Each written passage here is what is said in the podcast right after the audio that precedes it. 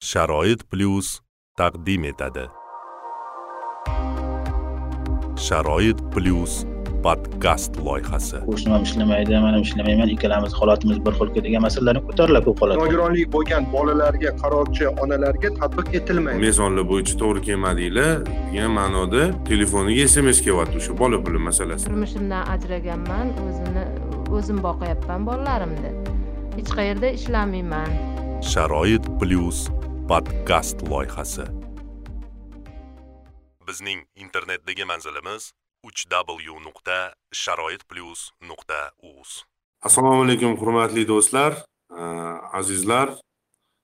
Toshkent shahar sharoit plyus nogironlar jamoat birlashmasining sharoit plyus podkast loyihasiga xush kelibsizlar.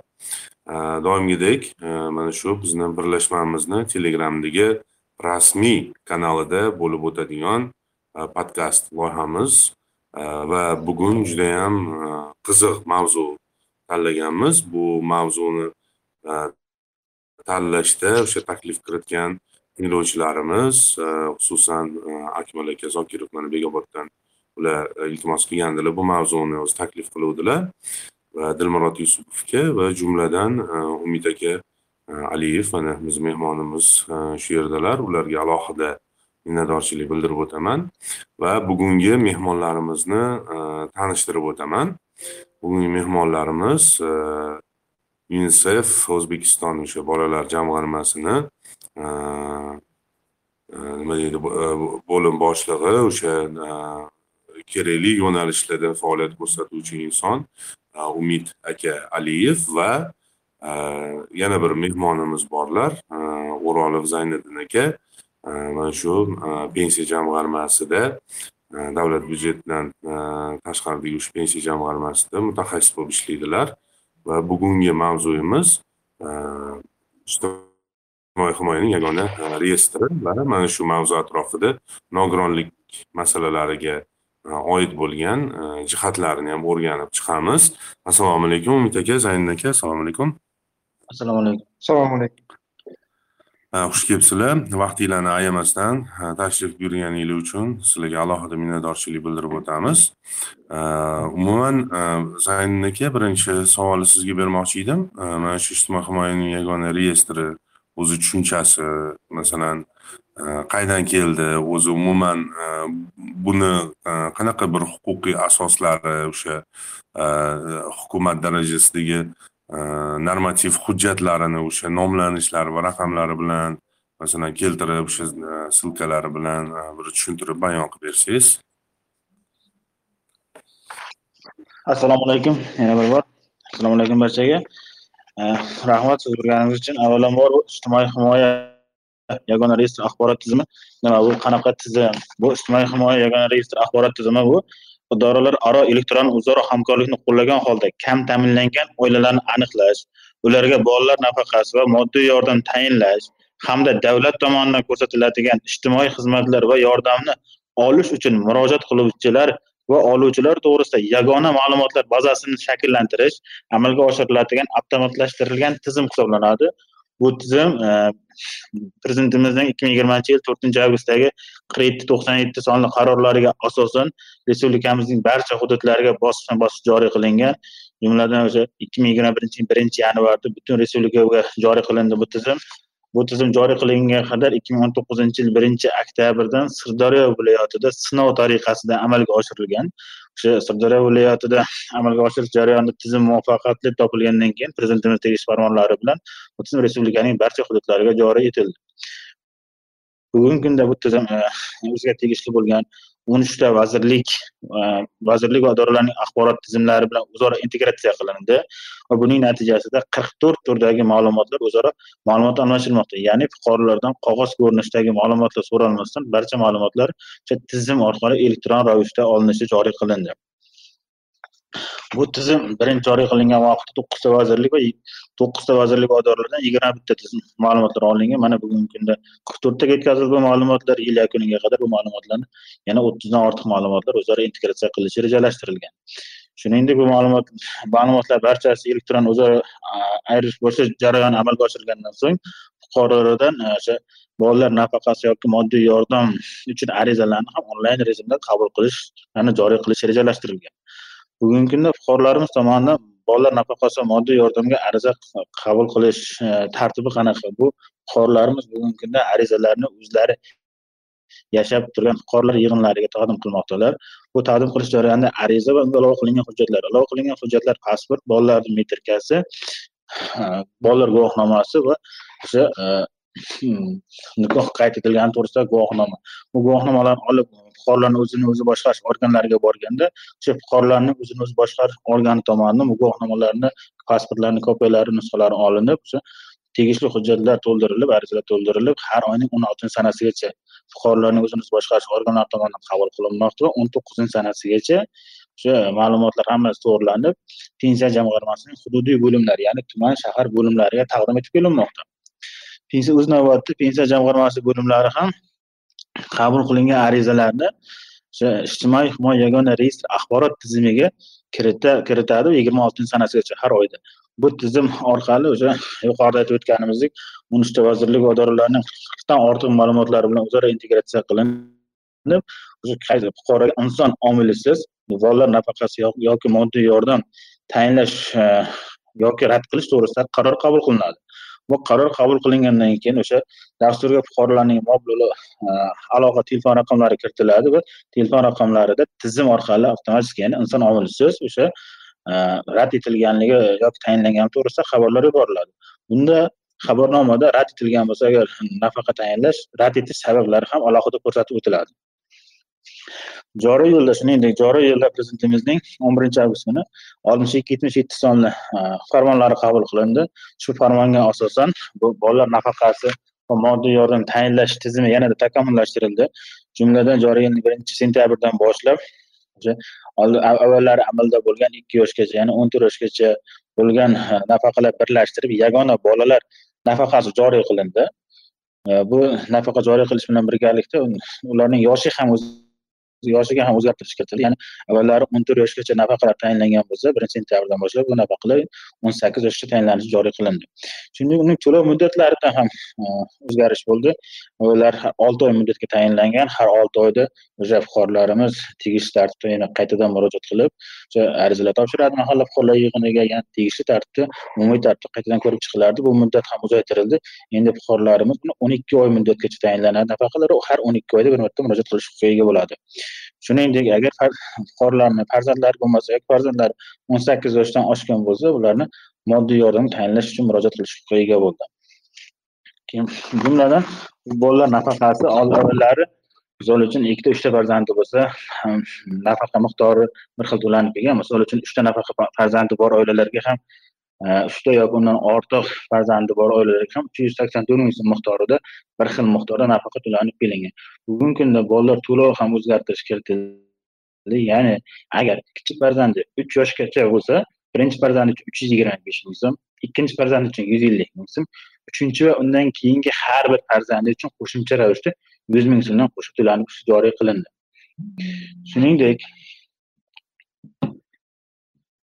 agar farzandi uch yoshdan oshgan bo'lsa birinchi farzandiga ikki yuz ellik ming so'm ikkinchi farzandiga yuz ellik ming so'm uchinchi va undan keyingi har bir farzandlari uchun yuz ming so'mdan yana qo'shimcha to'lovlar joriy qilindi. Buning natijasida o'sha barcha fuqarolarga fuqarolarni barcha farzandlarini o'n sakkiz yoshga to'lmagan farzandlariga nafaqa bilan qamrab olish tizimi joriy qilindi.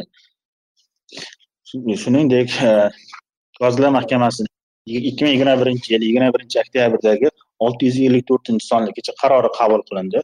Ushbu qaror e, yangi qaror bu qaror aholini ijtimoiy himoya qilish tizimini yana takomillashtirish chora tadbirlari to'g'risida nomlanadi. Bu qaror bilan e, fuqarolarga bolalar nafaqasini tayinlash yoki moddiy yordam tayinlash yana bir qancha imtiyozlar qo'shimcha imtiyozlar belgilandi. Jumladan o'sha prezidentimizni oltmish ikki yetmish yettinchi sonli qarorlariga asosan ikki ming yigirma birinchi yil birinchi sentyabrgacha tayinlangan nafaqalar o'sha eski holatda to'lanishi belgilangan edi. Kecha chiqqan qarorimizga asosan o'sha ikki ming yigirma birinchi yil birinchi sentyabrgacha tayinlangan nafaqalar ham qaytadan hisob kitob qilinib noyabr oyidan agar kimnidir kimnidir nafaqasi oshadigan bo'lsa o'sha oshirilgan tartibda to'lab berilishi joriy qilinadi shuningdek yakka bu yangi qarorimiz asosida yakka yolg'iz fuqarolarga yakka farzandini yakka yolg'iz tarbiyalayotgan oilalarga yoki boqish yo'qotganlik oilalarga yoki hmm, bir yil davomida temir daftarda uzluksiz turgan oilalarga ham hmm, qo'shimcha ravishda o'sha imtiyozlar belgilandi. Ya'ni agar fuqarolar rasmiy daromadga ega bo'lmagan taqdirda ham ularni ishlatib qabul qilish masalasi yoki to'rt yoki undan ortiq farzandi bo'lgan oilalarga ham imtiyoz berish. Ya'ni hamma mezonlardan o'tib kelib faqatgina ishsizlik hisoblaratilgan bo'lsa fuqaro misol uchun. O'sha bolalar nafaqasi yoki bolalar nafaqasi tayinlash bu holatda ham o'sha e, to'rt yoki undan ortiq farzandi bor oilalarga imtiyozlar qo'llanishi belgilab o'tildi. Ulug'bek aka savollar bo'lsa javob berishga tayyormiz. Qisqacha rahmat. Zaynun aka rahmat. Manda bitta e, savol borda e, bu endi orasida hozirgi o'sha e, nima deydi ma'lumotlaringiz orasida birmuncha ozgina jarang sochdi javob ham. Lekin ozgina obyektivroq bir kerak bo'lsa o'shani nozik tomonlarigacha ahamiyat berib bir ozgina tushuntirib berishingizni xohlardim. Mana shu bola puli yoki mana shu ijtimoiy to'lovlar borku nima deydi shartli ravishda shunaqa deb nomlaylik. Shunga hujjat topshirilganda mana misol uchun o'zim taniydigan insonlarda nima bo'ldi. O'sha borib e, mahallasiga e, pasportlarni boshqalarni topshirdi. Lekin qanaqadir ma'lum bir vaqt o'tib ularga sms keldi. Sizlar o'sha mezonlar bo'yicha to'g'ri kelmadinglar degan ma'noda e, telefoniga sms kelyapti o'sha bola puli masalasida aynan deylik. O'zi umuman mezonlari buni qanaqa buni kuchli va zaif tomonlari bor. Mezonlar belgilanganku mana shu chunki e, tushuntirishayotganda javobini berishayotganda hammaga har xil e, sabablarni keltirib e, o'sha rad javobini izohlab berishyaptida o'sha mezonlariga ko'proq urg'u berib oydinlik kiritib bersangiz. Tushunarli rahmat savol uchun e, bugungi kunda bolalar nafaqasi va kam ta'minlangan oilalarga moddiy yordam tayinlashda oilaning moddiy va mulkiy daromadlari ham o'rganiladi. Bunda o'sha e, mehnat e, oilaning har bir a'zosiga mehnat haq to'lash imkon miqdorining o'rtacha oylik miqdoridan kelib chiqib ya'ni bugungi kunda o'sha oilaning har bir a'zosiga to'rt yuz qirq ming so'mdan ortiq bo'lsa nafaqa tayinlash rad etiladi. Agar to'rt yuz e, oilaning har bir a'zosiga agar to'rt yuz qirq ming so'mdan kam bo'lsa nafaqa tayinlash mumkin. Bundan tashqari ham yana quyidagi holatlarda ham nafaqalar tayinlash rad etilishi mumkin. Misol uchun e, arizachi yoki uning oila a'zolarida ikki va undan ortiq ko'chmas mulki yoki bir va undan ortiq noturar joy binolari mavjud bo'lganda yoki oila arizachi yoki oila a'zolarining nomiga rasmiylashtirilgan yoki bosh ishonchnoma asosida foydalanilayotgan ishlab chiqarilgan muddati yetti yildan oshmagan texnik holati soz bo'lgan avtotransport vositalari mavjud bo'lganda ikki yoki undan ortiq texnik holati soz bo'lgan avtotransport vositalari mavjud bo'lganda yoki ariza beruvchi yoki uning oila a'zolarida nomlarida banklardagi tijorat depozit hisob raqamlarida o'sha o'rganilayotgan vaqtda mehnat haq to'lash eng kam miqdorining besh baravari yoki undan ortiq miqdorda mablag'lar mavjud bo'lganda yoki o'sha arizachi va uning oila a'zolarining qimmatli qog'ozni o'sha daromadlari o'rganilayotgan vaqtda mehnat haq to'lash eng kam miqdorining besh baravari undan ortiq miqdorda qimmatli qog'ozlar mavjud bo'lganda qimmat qog'ozlari mavjud bo'lganda yoki o'sha fuqarolarni rasmiy daromadga ega bo'lmagan holatlarda ham rad etilishlari mumkin. Bu yerda ko'pchilik savollar tug'iladi. O'zimiz ham gaplashganimizda fuqarolar bilan nimaga e, manga tayinlanmadi lekin qo'shnimga tayinlandi. Qo'shnim ham ishlamaydi man ham ishlamayman ikkalamiz holatimiz bir xilku degan masalalar ko'tariladi ko'p holatlarda. Bu jarayonlarda misol uchun biz e, o'sha qonunchilikda e, belgilangan tartibda hisobga olinadiki agar fuqarolarning Э, tomorqa maydonlarida bandligi ya'ni tomorqada ham nimadir yetishtirib daromad qilish mumkinki o'shandan kelib chiqib agar fuqarolarda har e, o'zini nomida yoki arizachi yoki oila nomida to'rt undan ortiq e, cho'tiqdagi yerlari ham mavjud bo'lsa ularni ham o'sha ijtimoiy himoya yagona reyestrida o'sha band deb hisobga olinishi yoki fuqarolarni o'sha e, tuman shahar bandlikka ko'maklash markazlariga borib ish olinishi. Ro'yxatga olingan taqdirlarda ham bu ma'lumotlar ham o'sha mehnat vazirligining tegishli axborot tizimlari bilan o'zaro elektron axborot almashish natijasida aniqlanadi. Yoki bo'lmasa fuqarolar o'zini o'zi band qilgan ya'ni o'sha soliq qo'mitasidan borib soliq organlariga borib o'zini o'zi band qilib yiliga bazaviy hisoblash miqdorining bir barobar miqdorida to'lab o'sha o'zini o'zi band qilgan fuqarolar ham normativ daromad hisoblangan holda o'zini o'zi e, rasmiy daromadga egaligi hisoblangan ham tayinlangan holatlari bo'ladi misol uchun. Tushunarli. E, endi e, mana shu tarm tizim borku tizimni o'zi nogironlikni nima deydi belgilash hujjati borku nogironlikni nogironlik guvohnomasi misol uchun ayrim holatlar bo'ldi biz eshitdik rad javobini bergan umuman tizimda lekin keyin nima bo'lgan o'sha oilani besh yashar nogironligi bor farzandi bor bo'lib chiqdi va e, bundoq qaraganda e, nima deydi bir toza faktorlar bilan o'sha oila umuman loyiq o'sha e, to'lovgada lekin rad etilgan. Nimaga rad etilgan? Sababi o'sha tizim o'sha vaqtda oiladagi o'sha nogironligi bor bo'lgan a'zolar to'g'risida ma'lumot nima deydi ko'rinmaganligi sabablida hozirgi kunda umuman tizim baribir har bitta tizim takomillashib boryapti. Tizim shu darajagacha takomillashdimi? Nogironlikni ham e, ko'radigan va o'sha mezonlarda shu masalaga ahamiyat beradimi tizim yoki yo'qmi? E, rahmat savol uchun. E, Bugungi kunda ijtimoiy himoya yagona reyestr axborot tizimi sog'liqni saqlash vazirligi bilan o'zaro integratsiya qilingan axborot tizimi bilan integratsiya qilingan va bu yerdan o'sha nogironligi bor fuqarolar to'g'risidagi ma'lumotlarni olinadi. Agar fuqarolar misol uchun rasmiy daromad manbalari oxirgi olti oy mobaynida ishsizlar mehnat organiga murojaat qilmagan holatlarda rad etish holatlari bu birinchi yoki ikkinchi guruh va nogironligi bo'lgan shaxslarga bu tadbiq o'n sakkizinchi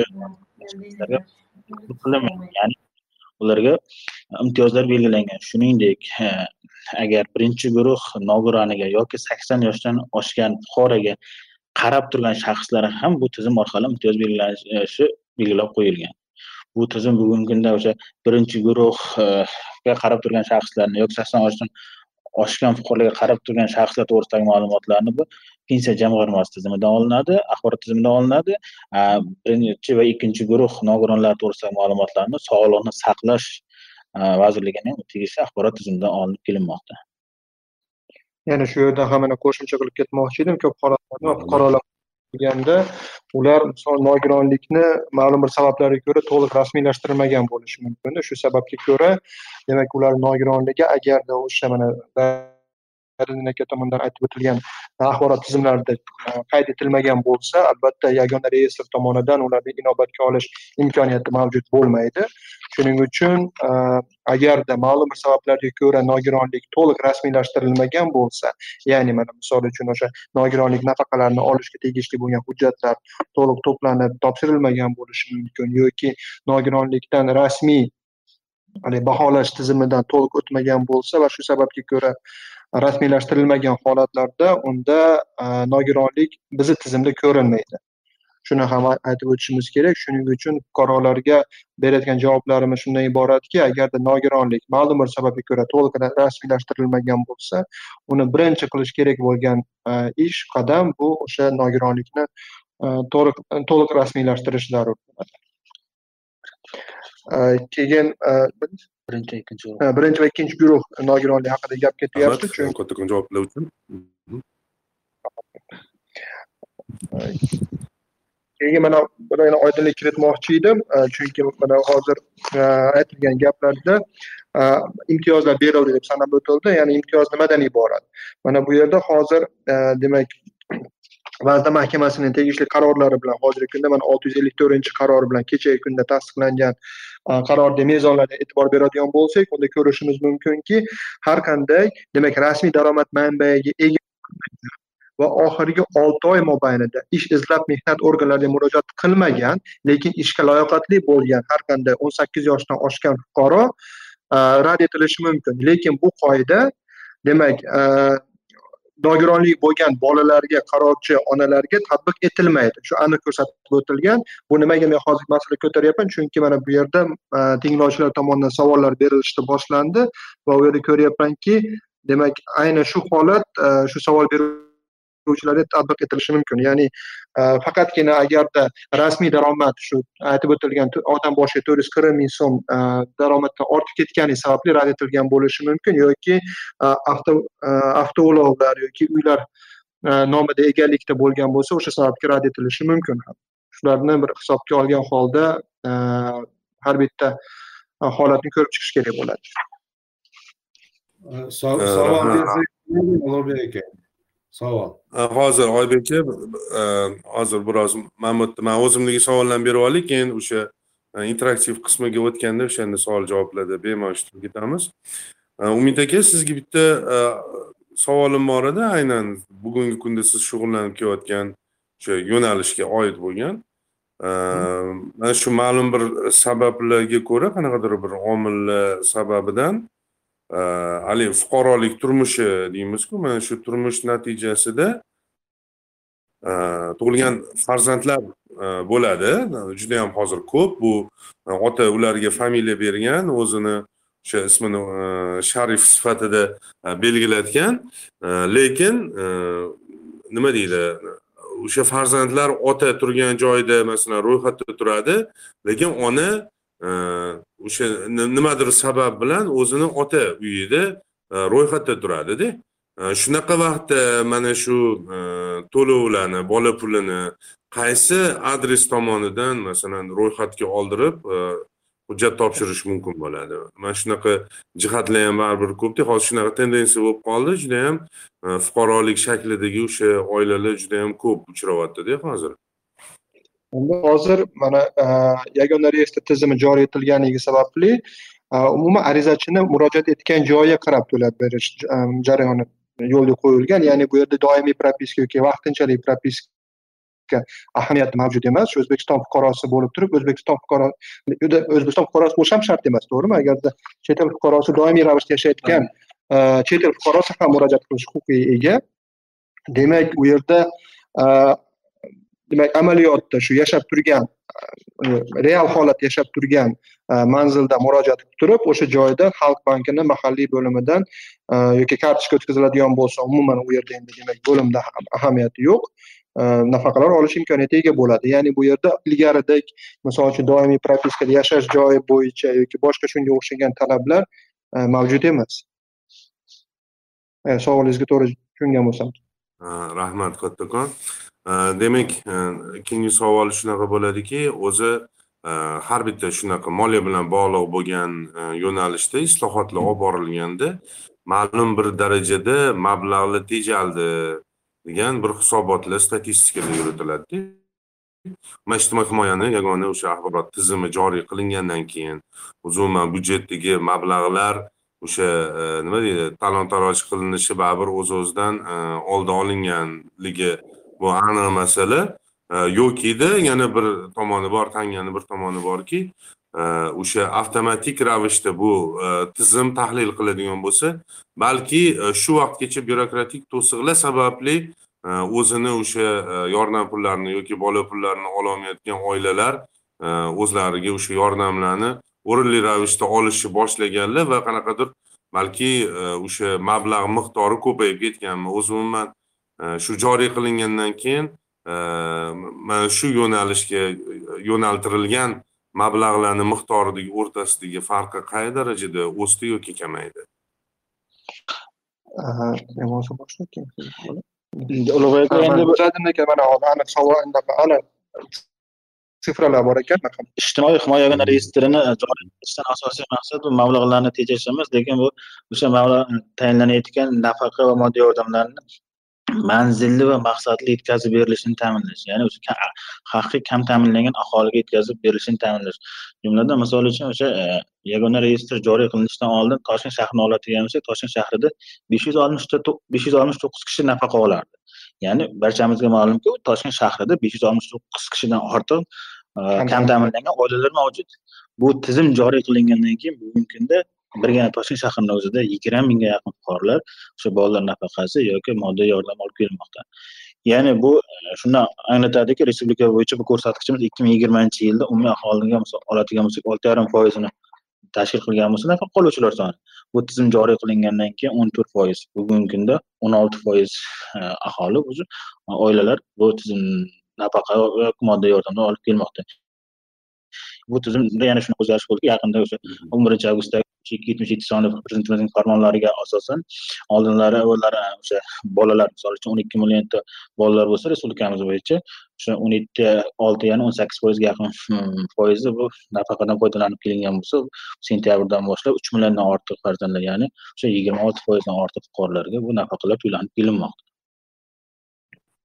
Tushunarli. Demak bu e, juda yam yaxshi effekt bergan va e, fuqarolar e, va mana shu ijtimoiy to'lovlar o'rtasidagi bir ma'lum darajadagi devorlarni olib tashlanishiga sabab bo'lib shu ijobiy ta'sir o'tkazgan. Demak hozircha bo'lmasa o'sha interaktiv qismiga o'tamiz.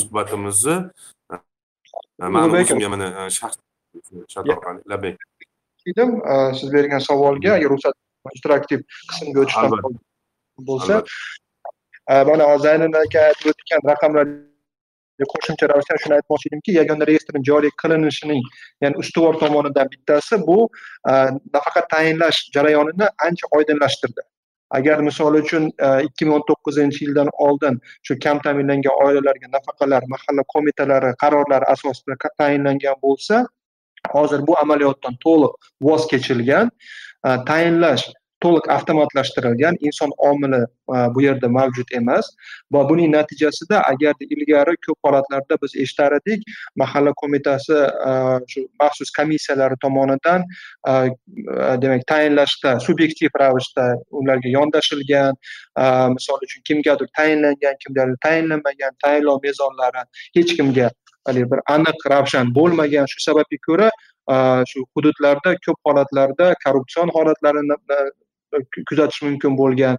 Mana hozir bularga e, ancha bartaraf etilgan ko'p holatlarda e, va shuning uchun hozir takrorlab o'tmoqchiman shu imkoniyatdan foydalanib e, yangi joriy etilgan tartibga ko'ra nafaqalarni shu kam ta'minlangan oilalar uchun bola nafaqalari hamda moddiy yordamni tayinlash to'liq avtomatlashtirilgan.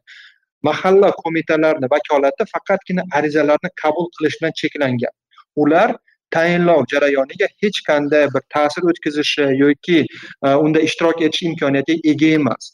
Chunki ba'zida mana biz hozir kuzatyapmiz shunday holatlar bo'lyaptiki mahalla qo'mitalari ma'lum bir sabablarga ko'ra e, shu ariza beruvchilarga tayinlash imkoniyati ega ekanligi haqida bir e, noto'g'ri ma'lumot berishlari yoki shu misol uchun nafaqalarni sizlarga o'tkazib beraman qildirib beraman degan bir noto'g'ri ma'lumot berish holatlari ham kuzatilyapti. Shunga imkon qadar biz mana moliya vazirligi pensiya jamg'armasi e, xodimlari bilan birgalikda shu tushuntiruv ishlarini olib bormoqchi olib boryapmiz. Ya'ni yana takrorlab o'taman mahalla qo'mitani xodimlari faqatgina ariza qabul qilish vakolatiga ega. Arizalarni rad etishi yoki tayinlanishi imkoniyati va vakolati ega emas.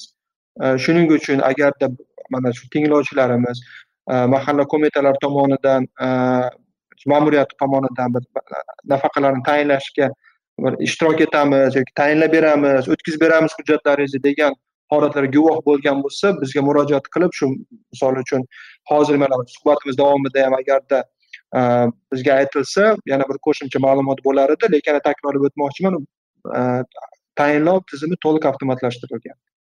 Aldanmasligingizni so'rayman. Rahmat.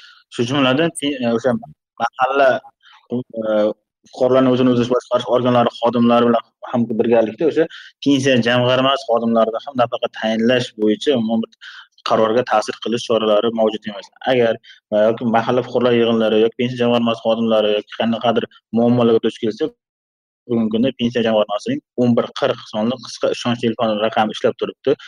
Ishonch telefoniga bemalol murojaat qilishlari mumkin bo'ladi. O'sha murojaatni biz o'rganib chiqamiz. Kattakon rahmat e, ma'lumotlar uchun. Demak e, interaktiv qismini ochiq deb e'lon qilamiz e, va so'zni man oybek akaga bermoqchi edim. O'zbekiston nogironlar assotsiatsiyasi raisi oybek isakov. Rahmat rahmat. Mani savolim uchta bo'ladi. Birinchisi o'sha man tushunganimdek yagona reyestrga kam ta'minlangan nogironlar kiradimi yoki hamma nogironlar kiradimi? Bu birinchi savolim. Ikkinchi savolim kam ta'minlangan e, nogiron toifasiga kirish uchun mezonlar bor. Mana siz aytdingiz moshinasi bo'lsa moshina nogiron uchun bu daromad emasku bu harakat vositasiku. Qanday u mashinasi? Mana bizada shunaqa voqea bo'lganki er xotin nogiron beshta bolasi bor. Beshta bola lekin uni mashinasi borligi uchun unga o'sha yagona reyestrga kiritishni rad etishgan moddiy yordam berishini rad etishgan. Lekin zo'rg'a yashashyapti. Moshina moshinasiz u yurolmasa qanday uni mashinani moshinani rad etish mezoniga kiritilgan man hayron qolyapman. Keyin e, ikkinchisi e, e, mana siz aytdingiz agar moddiy yordam berish moddiy yordam bo'yicha qancha nogironlar o'sha e, mahallalarda moddiy yordam olgan shu ma'lumotlar bormi yagona reyestrda yoki yo'qmi yoki qancha nogironlar ishsiz yoki ish qidirayotgan nogironlar o'sha reyestrda shu raqamlarni topsak bo'ladimi yo'qmi rahmat rahmat rahmat kim javob beradi menimcha ikkalamiz ham man nima bo'lmasam yengilroq savollarga javob beraman qiyinroq zadilga qoldiraman demak birinchi savolga rahmat katta oybek aka savollaringiz uchun demak birinchisi bu kam ta'minlangan nogironlarmi yoki kam ta'minlangan demak yana takrorlab o'tmoqchiman yagona reyestrda hozirgi kunda demak to'lab borilayotgan va ariza qabul qilinadigan dasturlar bu kam ta'minlangan oilalar uchun bola nafaqasi hamda kam ta'minlangan oilalar uchun moddiy yordam ikkita dasturdan iborat. Demak bu yerda e, alohida nogironlik bo'lish bo'lmasligi mezon sifatida aytib o'tilmagan belgilanmagan. E, lekin albatta tabiiy ravishki ko'p holatlarda e, nogironlik bu moddiy qiyinchiliklar bilan bog'liq bo'lganligi uchun ko'p holatlarda demak kam ta'minlangan oilalar bu demak nogironligi bo'lgan oila a'zolariga ega e, yoki oila boshi nogironligiga ega bo'lgan inson. E, shunga demakda e, shu umumiy mezonlarga to'g'ri keluvchi nogironligi bo'lgan a'zolarga ega bo'lgan oilalar ham ariza topshirib nafaqalar olish huquqiga ega. Lekin alohida nogironlik demak bo'lgan a'zolarga ma'lum bir imtiyozlar berilgan belgilangan. Mana misol uchun nogiron o'n sakkiz yoshgacha bolasi birinchi va ikkinchi guruh bolalikda nogironlik bo'lgan o'n sakkiz yoshgacha bolasi bo'lganda o'sha bolaga qarovchi onasiga demak e, e, rasmiy daromad manbai ega bo'lish yoki bandlik bilan band bo'lish bo'lgan talabi belgilanmagan ya'ni e, tatbiq etilmaydi imtiyoz berilgan va shunga o'xshagan bir qator imtiyozlar mana misol uchun e, demak yo'q e, haligi nogironlik o'zi bo'lsa ham chiqarib yuboramizku. Yoki misol o'sha o'n sakkiz yosh e, yoshgacha bolalik nogironlik bo'lgan yoki o'zi misol uchun nogiron bo'lib turgan odamga ham bu talab tatbiq etilmaydi. Shunga o'xshagan imtiyozlar berilgan. Lekin e, umumiy olganda demak e, nogironlik bo'lsa bo'lmasa kam ta'minlanganlik mezoniga to'g'ri kelgan har qanday oilaga nafaqa tayinlanishi ko'zda tutilgan. E, demak e, kam ta'minlangan oilaga kirish mezonlari mana hozir aytib o'tildi. Bu asosiy mezoni demak odam boshiga to'g'ri keluvchi daromad e, to'rt yuz qirq oylik daromad to'rt yuz qirq ming so'mdan kam bo'lishi kerak. Bu asosiy talab. Bundan tashqari yana bir qator talablar belgilangan. Demak bu mana hozir zayniddin aka boshida aytib o'tgan avtomobilga ega bo'lishi yoki ikkita va undan ko'proq noturar joy e, turar joy hamda bitta noturar joy obyekti ega bo'lganligi e, shunga o'xshagan e, mezonlar belgilangan lekin bular to'liq ro'yxati anchagina uzun bir hozir hammasini o'qib chiqqani agar qanaqadir ma'lum bir mezon bo'yicha aniq savol bo'lsa javob berishimiz mumkin lekin shunga o'xshagan mana mezonlar belgilangan. Э, endi avtomobil bo'yicha demak gapingizga to'liq qo'shilaman misol nogironlik bo'lgan hamda ham ko'p bolali oilalarda avtoulov egalik bo'lishi bu daromad vositasi emas balki transport vositasi sifatida ko'proq foydalanishi mumkin. Э, lekin hozirgi kunga kelib belgilangan tartibga ko'ra demak э, yetti yil yetti yildan oshmagan texnik holati soz bo'lgan yengil avtotransport egasiga demak rad etilish belgilangan.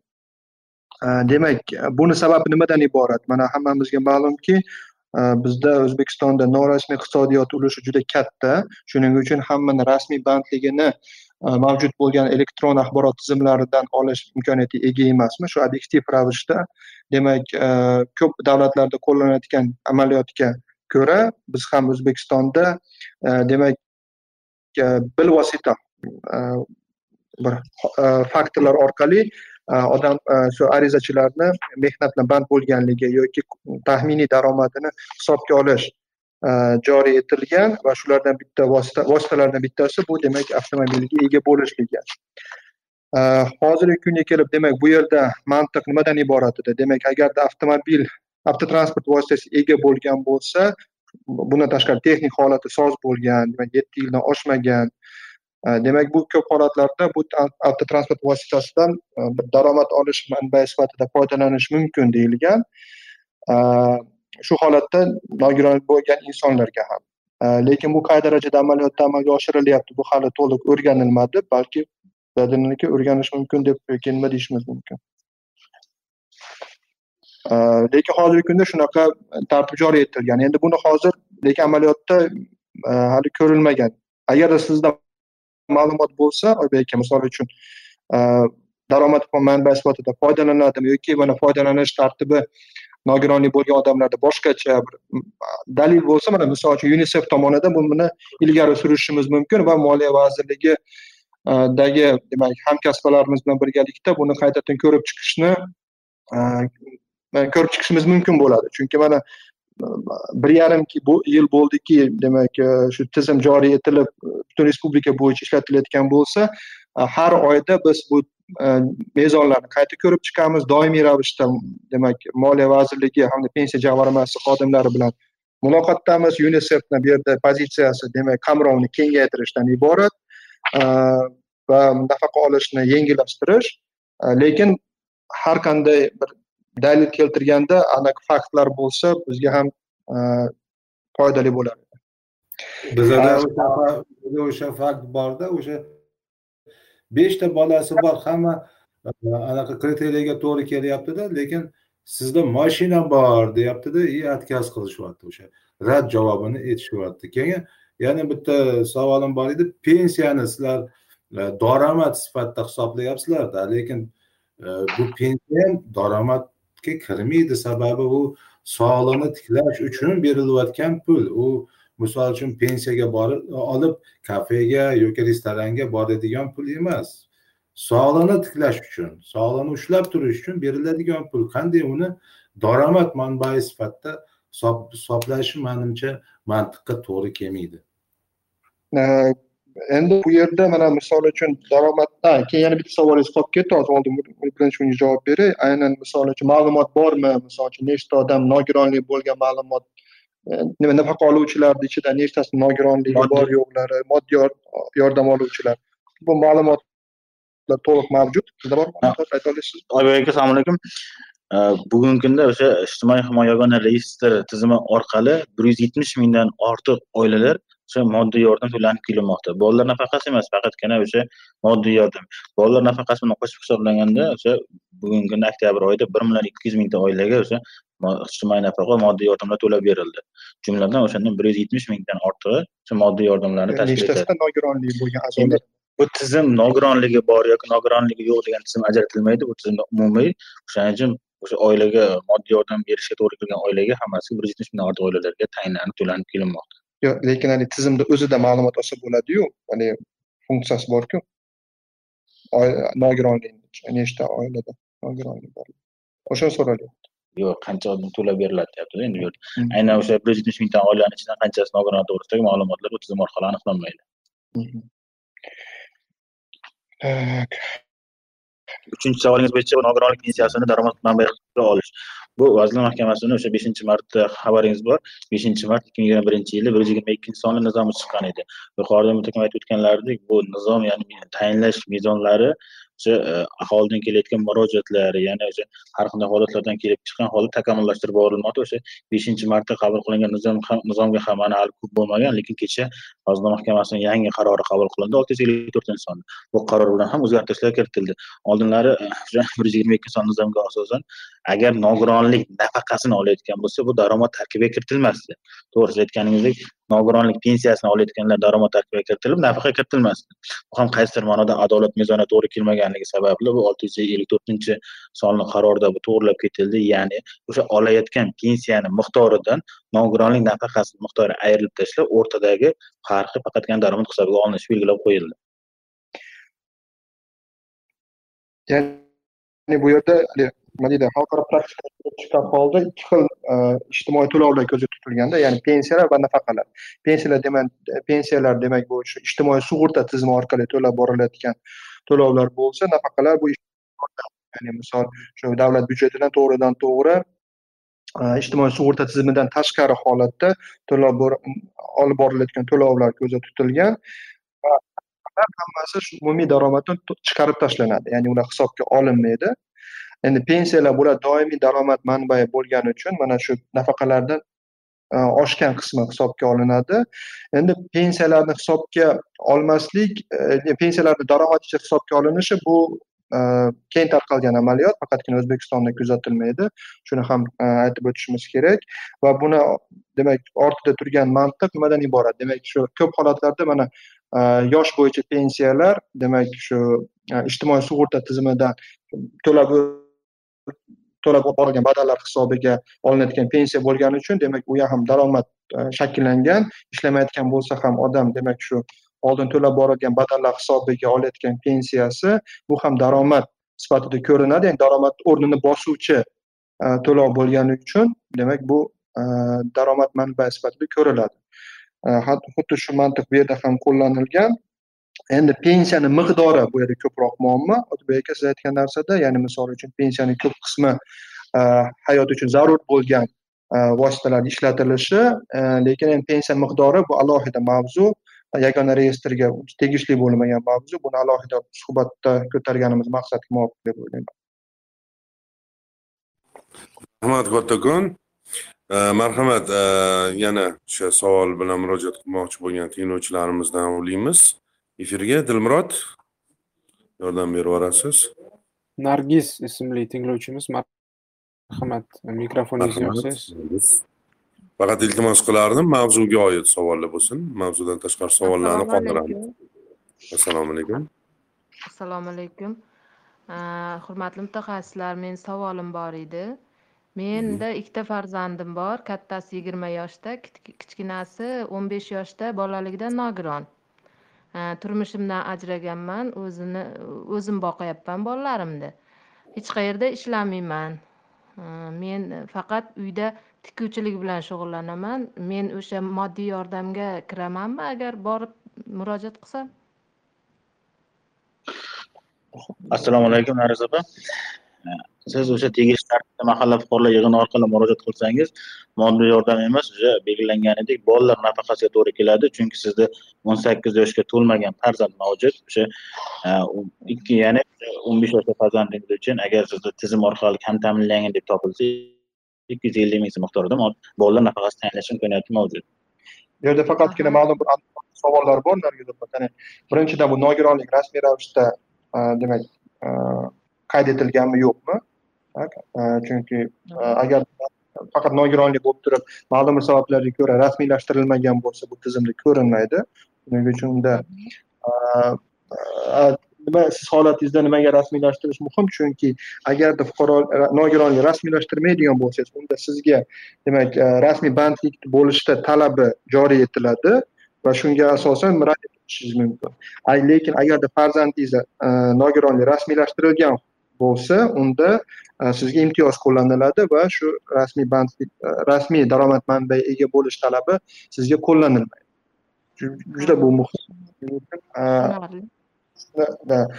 Ko'p holatlarda shunday holatlar bo'ladiki odamlar nogironligi bor deb e, misol uchun bildiradi lekin rasmiylashtirmagan bo'ladi. Unda tizim buni demak sog'liqni saqlash vazirligidagi tizimidan ma'lumot olmaydi nogironlik haqida va rad etilish bo'lishi mumkin. Yana bir savol bersam maylimi? Maktab borasida o'quv tizimi bo'yicha. Yo'q yo'q maktab borasida keyingi suhbatda ko'p kuzatilayotgan narsa hozir demak alohida yashayman dedingiz. Bu yerda ham demak oiladan ajraganlik rasmiy ravishda rasmiylashtirilgan bo'lishi kerak. Chunki ayniqsa mana qishloq joylarda ko'p kuzatyapmiz. Birga yashashmaydi lekin e, nikoh rasmiy mm, bor. E, bunda e, turmush olinishni boshlaydida va rad etilish holatlari kuzatiladi. Ha qarang hozir men uyda tikuvchilik bilan shug'ullanaman. U meni daromadga kiradimi nimaga kiradi?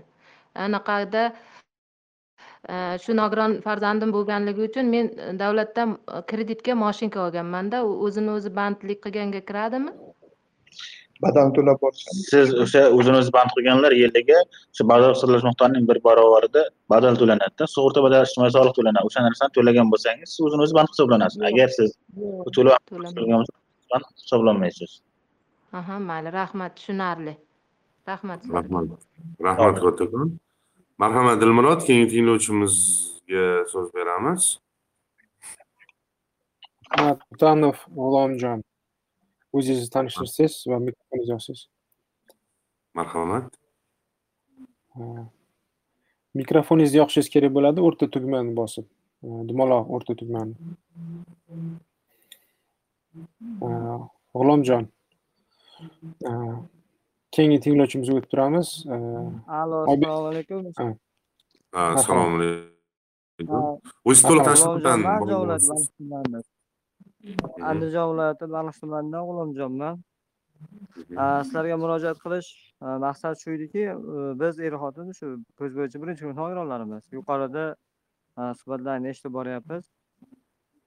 Shu vazirlar mahkamasini bir yuz yigirma ikki nizomlari bo'yicha shu narsa aytilganki o'n to'qqizinchi yigirma ikkinchi bandlarida shu e, bola pullarini tayinlash vaqtida e, e'tiborga olinmaydigan holatlar ham ko'rsatib o'tilgan ya'niki shu nogironlik nafaqalari buni men tushundim. Ammo hozir bizda shunday holat ketyaptiki ya'ni pul to'lamaslik. Ya'ni bolalar pulini uch yoshgacha bola pulini e, to'lamaslik holati bo'lyapti. Nimagaki o'sha pensiyalaring sizlarga daromad hisobiga qo'shiladi deyapti. Buni tushundim.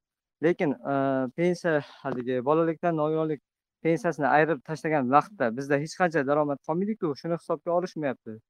Shuni qanday qilib bularga shu byudjetdan tashqari pensiya jamg'armasi baliq tuman bo'limiga tushuntirsam bo'ladi. Shuni men tushuntira olmayapman. Ko'p bor ariza berganimizda u rad rad qilinmayapti shuni so'ramoqchi edim. Avvalo o'zi marhamat javob berasiz rahmat g'ulomjon aka savol uchun Э, to'g'ri aytdingiz o'sha pensiyalarni pensiyalarni oilaning daromad tarkibiga qo'shib hisoblanadi. Bu yerda o'sha e, bir yuz yigirma ikkinchi sonli qarorda o'qigan ekansiz o'shani aytib o'tdingiz bu yerda belgilanganki nogironlik nafaqalari hisobga olinmaydi deb. Ya'ni xabaringiz bo'lsa e, kecha yigirma birinchi oktyabr o'sha ikki ming yigirma birinchi yilda o'sha vazirlar mahkamasining olti yuz ellik to'rtinchi sonli qaror yangi qarori qabul qilindi. Ya'ni bu qaror aholiga ijtimoiy himoya qilish tizimini yanada takomillashtirish chora tadbirlari to'g'risida. Ya'ni aytib o'tganingizdek avvallari o'sha besh yuz ming pensiya olsa misol uchun to'rt yuz ming so'm to'rt yuz qirq ming so'm nafaqa oladigan daromad hisobga olinmasdidagi bunda nafaqa tayinlanib berilardi. Besh yuz ming olsa siz besh yuz ming olar ekansiz ya'ni belgilangan mezondan yuqori daromad olar ekansiz degan maqsadda bunga nafaqa tayinlab berilmas bugungi kunda o'sha belgilangan bu yangi qarorda belgilab o'tildiki nogironlik pensiya miqdoridan zarur stajga ega bo'lmagan keksa yoshdagi va mehnatga layoqatsiz fuqarolarga beriladigan nafaqa miqdori chegirib tashlanadi. Ya'ni o'sha besh yuz ming so'm pensiya tayinlangan bo'lsa nafaqa chegarilganda oltmish ming so'm bo'ladi. Bu holatda nafaqa tayinlash imkoniyatlari mavjud bo'ldi. Ya'ni bu holatda o'sha fuqarolarga foydasiga hal bo'ladigan masalalar ko'rib chiqildi. Rahmat. Aytmoqchi edim demak bu hisoblar avtomatik ravishda amalga oshiriladi misol uchun bu tuman pensiya jamg'armasi xodimlari tomonidan hisoblanmaydi. Shuning uchun avtomatik ravishda chegara tashlanayotgan bo'lishi kerak. Agar chegara tashlanmayotgan bo'lsa demak ham hech kimga bu amal qilmayotgan bo'ladi. Bu yuqorida yuqorida siz aytdingiz baliq tumani pensiya jamg'armasi xodimlariga qanaqa tushuntiraman deb. Bu baliqchi tumanidagi pensiya jamg'armasi yoki boshqa respublikamiz boshqa hududlardagi pensiya jamg'armasi xodimlari ham bu nafaqalarni tayinlash jarayoniga bu subyektiv yoki obyektiv holatdan ishtirok etolmaydi hamma bu tizim o'sha yuqorida aytib o'tgan o'n uchta vazirlik va idoralardan qirqdan ortiq ma'lumotlar bilan o'zaro integratsiya qilingan. O'sha integratsiya natijasida hisobga olinadi. Ya'ni bu nafaqalarni pensiya miqdorini ayirib tashlash to'g'risidagi qaror kecha chiqdi. Ya'ni bu o'sha noyabr oyidan kuchga kiradi. G'ulomjon aka agarda mumkin bo'lsa pasportda pnfl nomerini aytib bersam ko'rib chiqardikda. To'g'rimi? Formalari ham bor agar mumkin bo'lsa misol e, sizlarni pasport ma'lumotlaringiz kerakda bizga o'limjon akalik e, shaxsiy nomer bo'ladi pnfl deymiz персональный идентификационный номер физического лица. Yoki pasportni kopiyasini yuborsangiz ham bo'ladi haligi asosiy betini. Arizachi sizmisiz yoki so'rovingizmi kim arizachi? Arizachi o'zlari shu er xotin. Yo'q yo'q u yerda bitta odam bo'lishi mumkinda o'shanga arizachi qidirish oson bo'ladi. Mani taklifim e, uzr e, g'ulomjon aka mikrofonlarini o'chirib qo'yganlar chunki ko'zi ojiz e, shaxslarga hali moslashtirilmagan ovozi chiqadi unchalik.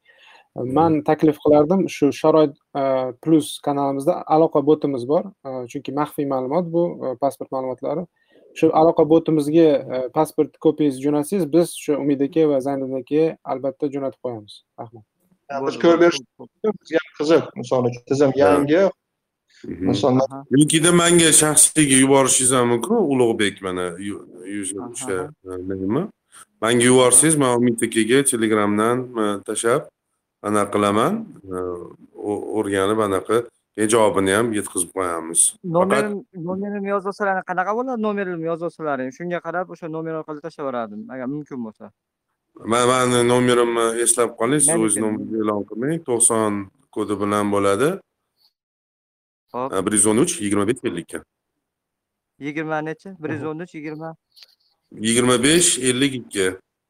Sog' bo'ling rahmat ho'p rahmat demak hozir yana ikkita tinglovchimizni qabul qilamiz chunki vaqtlarimiz chegaralangan. Soat o'n olti nol nolgacha birmuncha vaqt qolibdi savollarimiz juda dilmurod o'zingizda ham savol yo'qmi? Yo'q savollarimiz juda ko'p lekin e, o'shaning uchun e, bugun hozir e, e, tojiddin ismli tinglovchimiz marhamat. Tojiddin. Marhamat kim o'ylaymiz tojiddin marhamat tojiddin marhamat assalomu alaykum assalomu alaykum tanishtirib qisqa lo'nda savolingizni yo'llang man halilov tojiddin abduvaliyevich namangan viloyat nogironlar assotsiatsiyasini raisiman. Ah, bugungi kunda shu mahalliy aholidan kelib tushgan Э, savollarimiz bor edi. U savolda quyidagicha savol. Savol qo'shni viloyatdan kelib vaqtincha e, bizni hududda namangan viloyatida yashab turgan fuqarolardan ularni oilasidagi nogironligi bor farzandlari bor. Faqat ular hozirgi kunda bola nafaqasini olish uchun olish uchun aynan namanganda turishganligi uchun namangandan olish huquqiga egalarmi yoki propiska bo'yicha doimiy yashash manzillari bo'lgan qo'shni viloyatdan olishga hujjat tayyorlashlari kerak bo'ladi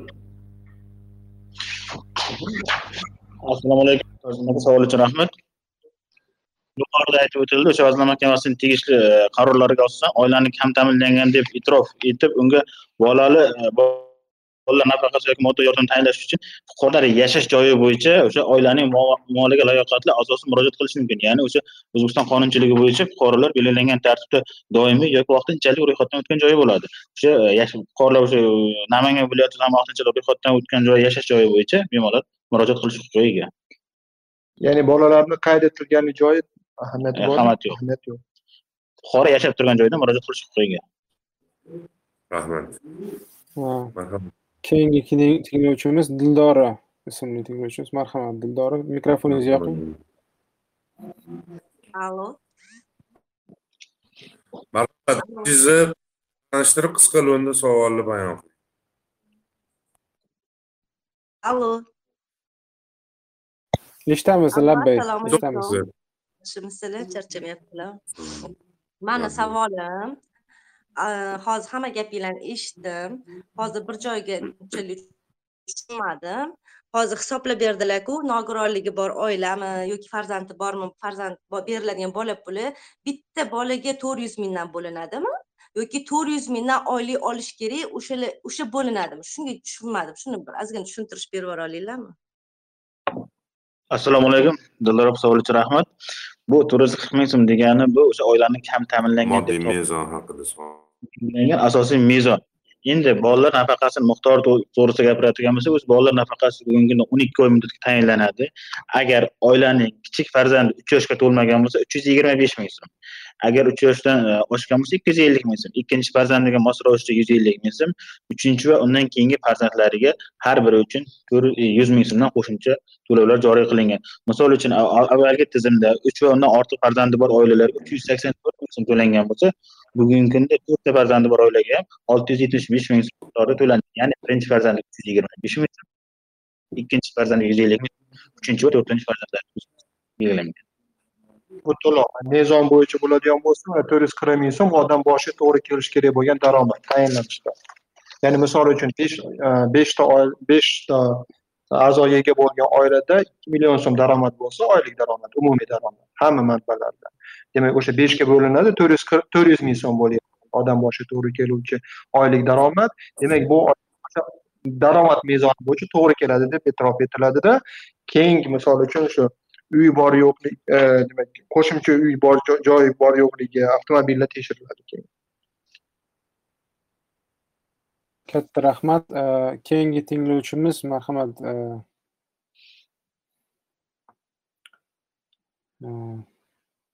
dildor opada yana qo'llar ko'taribdilar. Marhamat dildor opa. Bir savol bermoqchi edim uzr. Qarang hozir anaqa uy sharoit E, eshitilyapti uzilib qoldi eshitilmayapti dildor opa. Mikrofoningizni yoqishingiz kerak edi mikrofoningizni yoqing. Endi endi eshitildimi endi eshitilyapti qarang anaqa hozir hisoblab berdilar. Rahmat kattakon tushuntirib. Endi qarang hozir mani nomimda bor. Kam ta'minlangan orqali man olganman uch xona uy lekin bitta dona domimda o'sha yashab turgan uyim va hozir moshinani ham deyishdi. Moshina lekin arenda to'layman. Mana shu bolalarni pulidan amallab ajratib arendaga olganman. Chunki man nogironligimni doktorga olib borishim kerak kolyaskasi og'ir baland qavatda turaman. O'shaning uchun majbur bo'ldim arendaga oyma oy to'laydigan moshinaga shu qanaqa shu hisoblanadimi yo hisobdan chiqarib yuboriladimi bola pul olishga? И keyin yana bitta ular hisoblanmaydi dedilar hozir noyabr oyida man bu oy dokument topshirdim deb qaysi oyga to'g'ri keladi mani bu oyga topshiradigan dokumentim tushuntira oldim tushunarli tushunarli. Bu e, yuqorida aytib o'tilgandek avtomobil masalasi avtomobil ishlab chiqargan yiliga qarab belgilanadi ya'ni ishlab chiqargan yildan muddati yetti yildan oshmagan bo'lsa bu o'sha daromad mezoni sifatida qabul qilinib bu hisobga olinadi.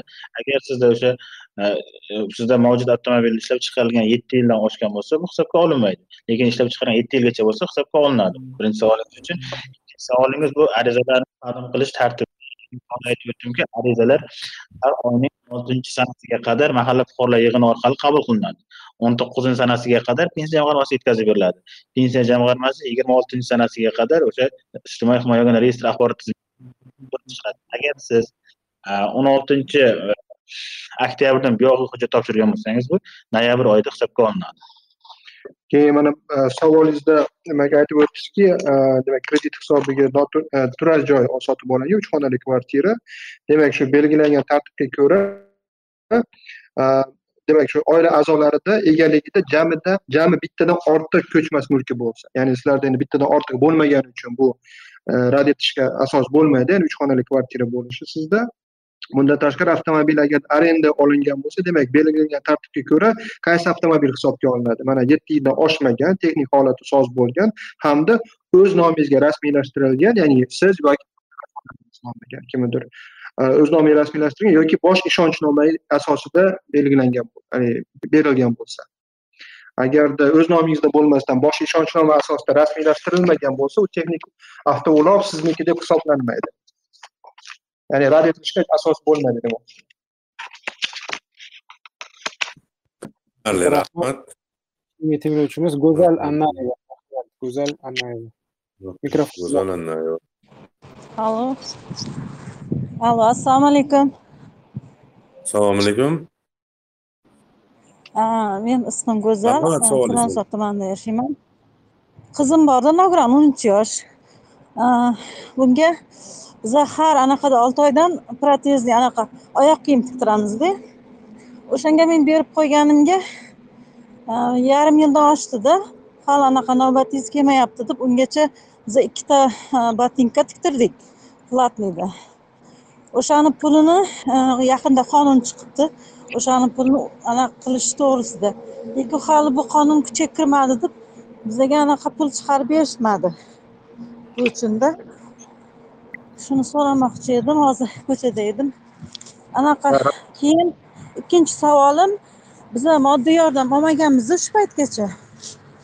Shu bitta olgan so'raganimizda sizda moshina bor ekan. Moshina bo'lgani uchun berilmaydi deb rad qilindi. Keyin ham qizimni nogironligi bolalikdanku shuni birinchi guruhga o'tkazsak bo'ladimi yoki o'n olti yoshni kutishimiz kerakmi u kun kun sayin og'irlashib ketyaptida sudragisi bor ham o'zini o'zi eplolmaydi. Shuning uchun nimasi puli o'ziga yetmayaptida. Rahmat rahmat. demak mavzuga oid savollaringizga javob berib o'tishadi mutaxassislarimiz. Hozircha mikrofonni o'chirib qo'yamiz. Marhamat umid aka. Zaynidin aka marhamat. Rahmat katta savollaringiz uchun. Mana hozir zaynidin aka bilan maslahatlashib umumiy javob bu ikkalamizdan. Faqat shuni ovoz aytaman demak e, endi protezlarga ajratiladigan pullar hozir bu yagona reyestrga joriy etilmagan bu e, alohida dastur. Va shuning uchun va shundan bundan tashqari to'liq kuchga kirmaganligi uchun hozir bizda u bo'yicha aniq bir ma'lumot yo'q. Shunga savolingizga to'liq javob bera olmaymiz afsus. E, demak endi moddiy yordamga demak rad etilayotgan vaqtni mana o'zi aytib o'tdingiz ya'ni egalik taxti transport vositasi bo'lganligi sababli bu ham hozirgi kunga qolgan.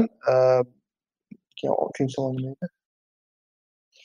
Guruhga o'tkazish. Ha guruhga ha hamda guruhga misol uchun demak bolalik nogiron bo'lgan bo'lsa farzandingiz unda bu ham savol bu hozir shu haligi tibbiy komissiyalarga demak o'tish kerak bo'ladi. Bu ham hozir bizga nima deydi bizni vakolatimiz doirasida savol bo'lmaganligi uchun to'liq javob berish imkoniyatiga ega emasmiz. Rahmat kattakon marhamat yana ikkita tinglovchimiz bor. Dilrabo marhamat. Dilrabo marhamat. Assalomu alaykum assalom manda uch nafar nogiron farzandim bor. O'n ikki yosh o'n yosh va olti yosh. Xo'jayinim ikki oydan beri ishxonalari yopilib qolib ishlamayaptilarda. Shu bola puliga hujjat topshirsam bo'ladimi deb mahallaga chiqqanimda o'zi nogironlik pensiyasi olasiz bitta davlatdan ikkita pul olmaysizu degan javobni eshitdim. Hozir olsam bo'ladimi? Yo nogironlik pensiyasi olayotganim uchun bola puli mumkin emasmi manga? Hachab moddiy yordam bo'lsa ham iloji bormi? deb chiqqandim. Hozirgi kunda bolalarimni dorisiga ozgina qiynalib turuvdim. Assalomu alaykum. Bo'ladimi assalomu alaykum savol uchun rahmat. Bu yerda shu nogironlik pensiyasini olsangiz yoki yoshga doir yoki boshqa turdagi daromad manbaiga ega bo'lsangiz siz bolalar pulini olishingiz mumkin emas degan tushuncha bu noto'g'ri tushuncha. Siz o'sha o'zingiz yashab turgan mahalla fuqarolar yig'ini orqali belgilangan tartibda murojaat qilishingiz mumkin. O'sha belgilangan tartibda murojaat qilsangiz sizni moddiy va mulkiy daromadlaringiz o'rganib chiqiladi. Agarda belgilangan mezonlarga to'g'ri kelsangiz sizga bolalar nafaqasi tayinlanishi mumkin. Yana shuni takror aytib o'tmoqchiman. Mahalla qo'mitasi sizni arizangizni qabul qilmaslikka haqqi yo'q. Ular qabul qilishga majbur. Ya'ni misol uchun shu mana arizani belgilangan tartibda o'sha arizani shakli bor. To'ldirib ularga topshirasiz. Ular ularni qabul qilish qabul qilmaslik huquqiga ega emas rad etish mumkin emas ular. Pensiya rahmat. Marhamat dilmurod. Oxirgi tinglovchimiz qo'l ko'targan yana man dilrabo opaga bitta narsani tavsiya qilgan bo'lardim. Og'zaki murojaatdan ko'ra shu yozma ravishda ariza yozsangiz ham qo'lingizda hujjat bo'ladi chunki og'zakini hech kim isbotlab berolmaydi. Shu barcha vaziyatingizni aniqlashtirib shu yozma belgilangan tartibda yozma ravishda murojaat qilishni tavsiya qilgan bo'lardim. Mahalla qo'mitasi agarda sizga rad bo'lsa yozma rad talab qiling. Misol uchun asosda bersa nima sababga? Siz arizangiz rad etyapti. Yozma rad javobini talab etganingizdan keyin ular bunday ish tutishning mumkin emasligini o'zlari juda yaxshi bilishadi. Ma'lum bir sababga ko'ra arizangiz qabul qilmaslayotganligi bo'lishi mumkin lekin bunga haqqi yo'q. Kim aniqlovchi savol berib ketmoqchi edim boya o'n bir e, qirq qisqa raqami haqida gapirib o'tdik. O'sha e, mana shu kabi holatlar bo'yicha ham o'n bir qirq e, o'sha qisqa raqamiga murojaat qoldirsa bo'ladimi? Albatta bo'ladi o'n bir qisqa raqami belgilangan tartibda ishlab turibdi. Bugungi kunda bu o'n bir qisqa raqamida o'ndan ortiq o'sha ishonch telefonida mas'ul xodimlar biriktirilgan ishonch telefoniga bemalol ish vaqtida ya'ni soat to'qqizdan o'n sakkiz nol nolgacha bo'lgan muddatda bemalol murojaat qilishlari mumkin. Nafaqat bu bolalar nafaqasiga moddiy yordam balki pensiya masalasida ham murojaat qilishlari mumkin. Keyingi tinglovchimiz marhamat o'zingizni tanishtiring va qayerdansiz va qisqa savolingizni bering. Assalomu marhamat. Alaykum savolim shunday iboratki mani opam tanishtiring birinchi qashqadaryo viloyatidan muxlisaman. Mhm. savolim o'zimga emas opamning ko'zlarini ikkinchi e, guruh nogironlari va e, turmush o'rtoqlari vafot etganlar. Esh- eshityaptimi eshitilyapti eshitilyapti marhamat. Aha. qarangizlar demak u kishiga hozir biron joyda ishlasalar bola puli chiqadimi yoki yo'qmi? Farzand bormi? Ikkinchi guruh nogironlardan Ha, ikkinchi guruh nogironlari bittagina farzandlari bor. Demak boquvchisini ham yo'qotganlar vafot etgan xo'jayinlari vafot etganlar. Yuqorida e, aytib o'tildiki agar fuqarolar birinchi yoki ikkinchi guruh yoki o'sha o'n sakkiz yoshgacha bo'lgan bolalarda nogironlik bo'lsa bulardan rasmiy ravishda rasmiy daromad talab qilinmaydi. Yana shuning shunga qo'shimcha ravishda agar xo'jayinlar vafot etgan bo'lsa farzandi uchun boqish yo'qol- yo'qotganlik nafaqasini olayotgan pensiyasini olayotgan bo'lsa bu ham daromad tarkibiga kiritilmaydi. Aha. Keyin demak bu kishi biron bir davlat ishida ishlasa yoki mana shu ish pulisidan bironta ish topib ishlayversalar chiqaveradimi hamma narsasi? Qo'shimcha moddiy yordam yo bo'lmasam bola pullari? Yo bu daromad tarkibiga kiritiladi. Agar misol uchun yuqorida aytib o'tildik pensiya bo'lsa misol uchun pensiyasi nafaqani nafaqa miqdorini chegirib tashlab o'rtadagi farq hisobga olinadi yoki biron bir joyga ishga kirsa rasmiy daromadga ega bo'lsa o'sha daromad manbai hisobida belgilangan tartibda mezon asosida ko'rib chiqiladi. Agar fuqaro hech joyda ishlamasa ya'ni rasmiy daromadga ega bo'lmasa bu fuqaro ikkinchi guruh nogironligi sababli bu fuqarodan rasmiy daromad talab qilinmaydi. Tushunarli rahmat kattakon buni e, tushuntirib o'tishim mumkin agar nogiron bo'lmaganda unda rasmiy band bo'lishi talab etilar edi mehnat muloqotli bo'lgan inson bo'lgan. Shu rahmat kattakon. Dilmurod marhamat o'zizda ham savol bo'lsa bering. An'anaga muvofiq oxirida o'ziz ham bitta savol berardingiz agar kechirasizlar mana bizga ham mana ikkita savol tushdi. Chatdan agarda Mana man ham savol bersam bo'ladimi? Avvalambor hammaga assalomu alaykum. muhabbat Mani savolim mana hozir ba'zi bir oilalar kreditga ya'ni uylar olishgan va kredit to'lab borishadi. Mana shunaqa kredit to'lovchi oilalar ham ya'ni uyda imkoniyati cheklangan farzandi bor oilalar ham moddiy yordam ola oladimi? Rahmat oldindan. Ijtimoiy himoya yagona reyestri orqali o'sha tegishli vazirlik idoralardan fuqarolarning daromadlari hisobga olinadi lekin ularning xarajatlari hisobga olinmaydi. Bu kredit to'lovlari ham fuqarolarga tegishli ravishda xarajat hisoblanadi. Bu kreditga mashina olgan yoki uy olgan yoki boshqa narsa olganda bu kredit to'lov miqdori ayirib tashlanmaydi ya'ni umumiy daromad mezonidan. Ya'ni shu qo'shib boriladi demoqchiman. Chunki belgilangan tartib bo'yicha umumiy daromaddan hisoblanadi mezon. Rahmat. uzr man aytmoqchi edim yana qo'llarimiz ko- ko'payib ketdi. To'rtta qo'l ko'tarilgan va umida ketganlardek e, ularni chatlarida ham e, savollar bor ekan. Hozir nima qilamiz ulug'bek tavsiya eting. E, mutaxassisimizdan uzr so'raymiz. Biroz belgilangan vaqtdan sal nima deydi o'tyapmiz lekin o'sha juda ham effektiv bir podkast bo'lyapti. O'shanga bir qo'shimcha savollarga vaqtimiz yo'q. rozilik berdilar va vaqt yana e, qo'shimcha vaqt davom ettirishimiz mumkin bo'ladi. Qo'shimcha vaqtimiz bor. Bemalol o'sha fuqarolarimiz qiziqtirgan savollariga biz belgilangan tartibda murojaatlarga javob berishimiz mumkin. Katta rahmat umid aka bo'lmasam shu chatga tushgan dilmurod ovozi juda ham pasayib ketdi. Chatga tushgan savolidan o'qib aytasizmi bo'lmasam uyda hop mana ikkita fuqarodan agar bo'lsam o'tkazib yubormagan bo'lsam savol tushdi yo uchta ekan. Mayli hozir birma bir o'qib chiqamiz. Birinchisi bu oybek shodiyev demak savoli demak ijara yaqinda farzandli bo'ldim ko'z bo'yicha birinchi guruh nogironlar hozirda ayolim farzandi va men toshkent shahrida ijarada yashayman. Sababi men toshkent shahrida ishlayman. Bizga pensiya tayinlashda ijaraga e, turganligimiz inobatga olinadimi yo'qmi? E, demak bu yerda e, demak ijarada turganliklar men tushunishimcha demak o'zinglar nominglarda turar joy bo'lmaganligi uchun demak u tatbiq etilmaydi u talab. Lekin ijaraga to'lab borayotgan xarajatlar inobatga olinmaydi. Ya'ni shu to'rt yuz qirq ming so'm odam boshiga mezonga hisoblanayotganda to'liq daromad inobatga olinadi. Lekin yana takrorlab o'tmoqchiman mana ko'p savollar bo'lyapti men mezonga to'g'ri kelamanmi yo'qmi buni rostini aytsam faqat berilgan savoldagi ma'lumotga asosida aniqlash juda qiyin bo'ladi chunki aytib o'tganimizdek mezonga ko'ra shu butun o'n to'rtta vazirlik idora bilan qirqga yaqin ma'lumot almashuvi asosida belgilangan bu mezon. Har bittasi aniq belgilab o'tilgan qonunchilikda ko'rishinglar mumkin.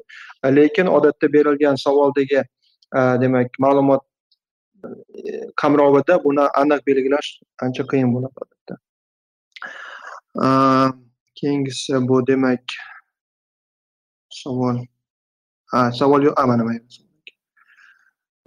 nogironlik rasmiylashganmi yoki qayerdan bilaman rasmiylashmagan bo'lsa qanday qilib rasmiylashtiraman oho demak rasmiylashtirish nogironlikni rasmiylashtirish bu alohida jarayon demak shu qonunchilikda belgilangan tartibga ko'ra agarda bola to'lmagan bola demak bu vkk deymiz ya'ni bu tibbiy hududiy komissiyalari mavjud o'shalarga murojaat qilish kerak har bitta tumanda o'sha komissiya mavjud bo'ladi odatda qayerda joylashgan bo'ladi tumanda joylashgan bo'ladi tuman agentlik boshqarmasida bo'limida sog'liqni saqlash boshqarmasiga murojaat etsangiz demak manzillarni berish mumkin bo'ladi.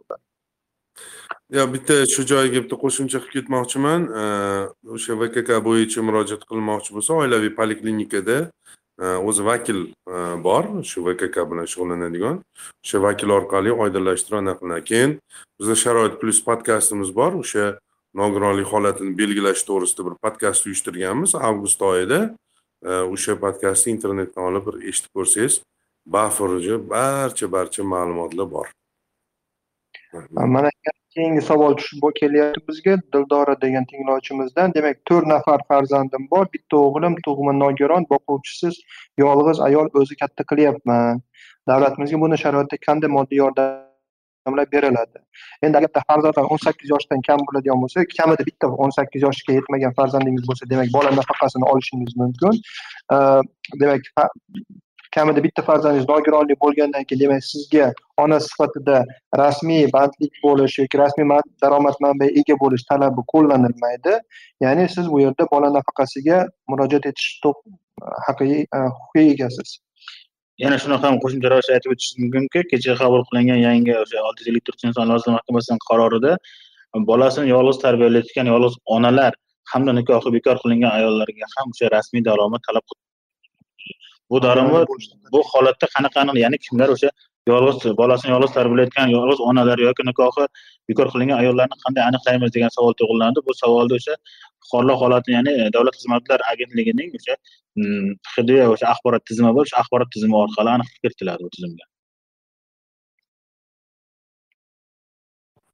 Rahmat. Katta rahmat. Savollarimiz bormi yana? Nilufar ismli tinglovchimizga mikrofon berdim assalomu alaykum marhamat. Assalomu alaykum meni savolim men ikkinchi guruh nogironiman talabaman hozirgi kunda ota onam vafot etgan akam bilan birga yashayman. Savolim mahallaga temir daftarga qo'yilishga qo'yilsam bo'ladimi yo'qmi? Bu ijtimoiy himoya reyestri ikkita tizimda o'zida qamrab olgan ya'ni bolalar nafaqasi moddiy yordam tayinlash masalasida.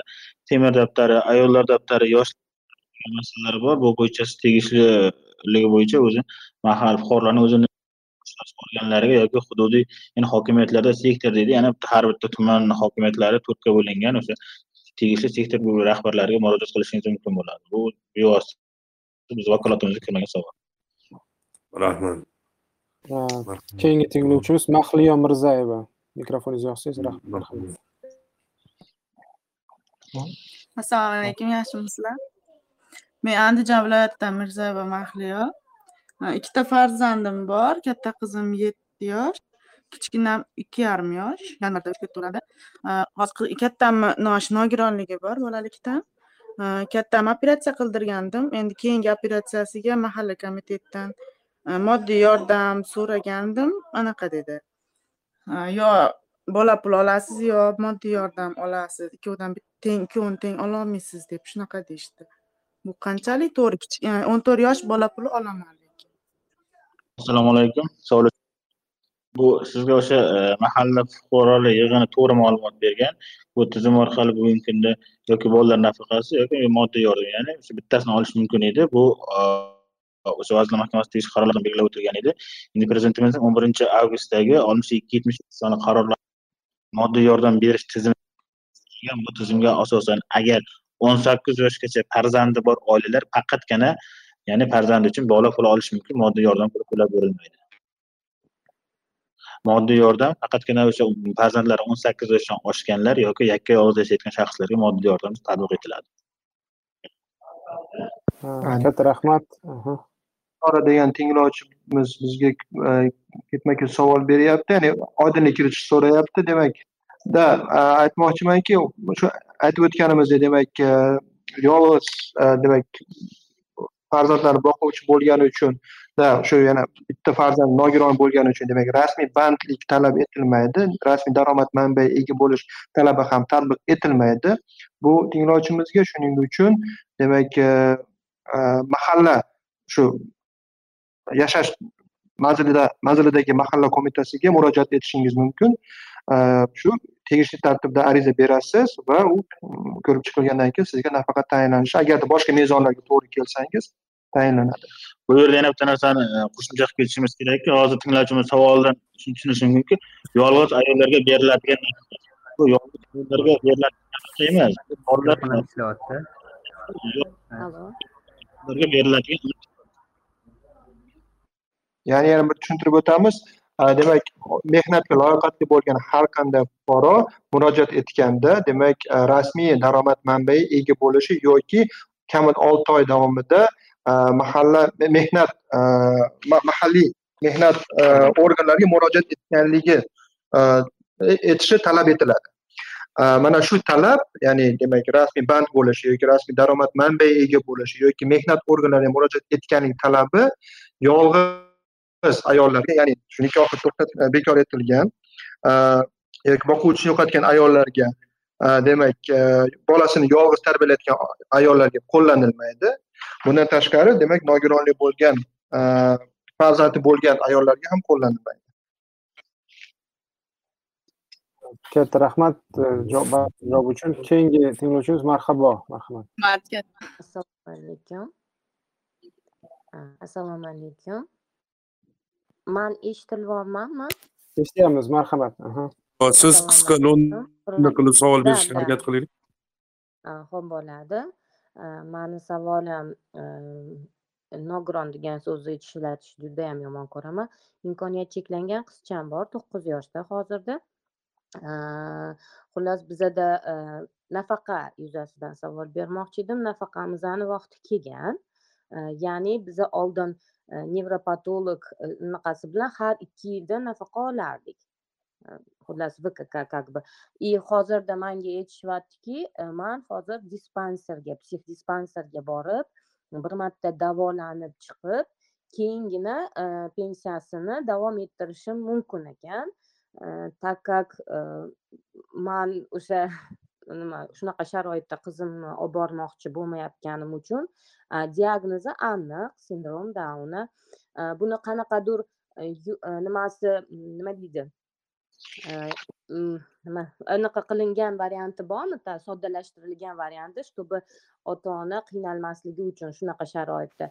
Так как o'zim yaxshi относиться qilganim uchun farzandimni har olti oyda shundoq ham doktorlardan o'tkazib turaman plyus man farzandim bilan har doim regulярно развиваться qilib turamanda. Там nima танец оздоровительный и плюс logopedический o'shanga man shunaqa joylarga borishni o'zimga ravo ko'rmayotganim uchun так бы birovni yomonlash nimasida emas kimnidir ko'nglini og'ritish maqsadida gapirmayapman.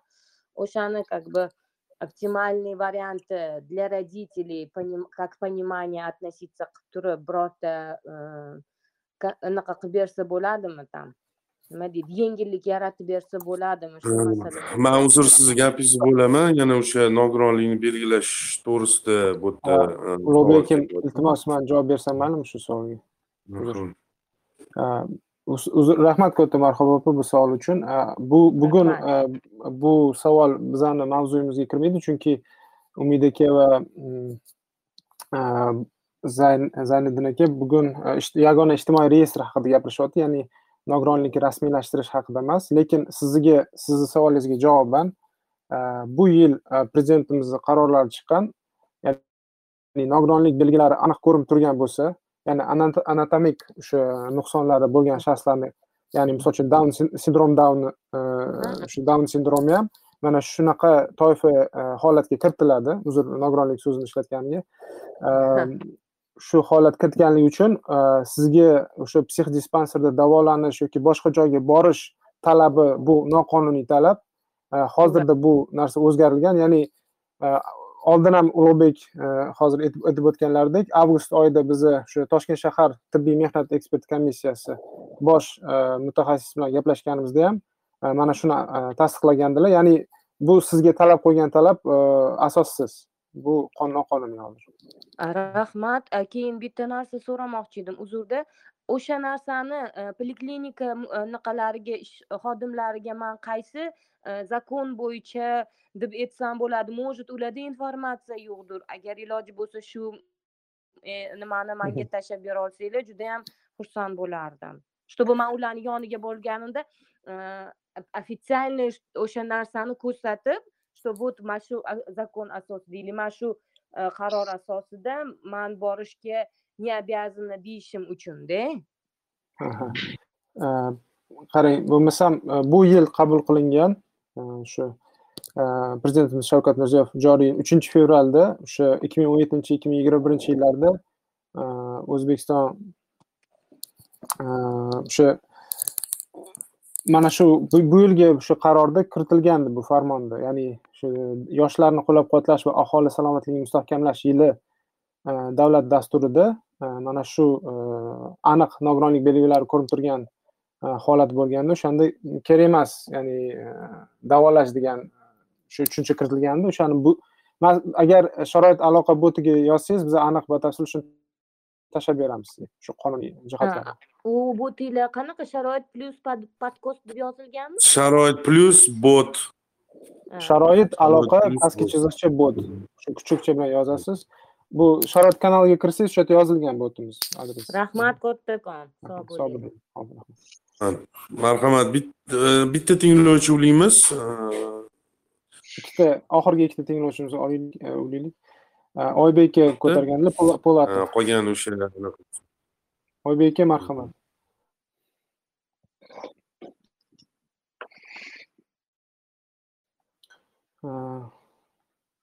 Dinara jumakulova marhamat allo ha birinchi oybek aka gapirsa marhamat oybek aka ha uzr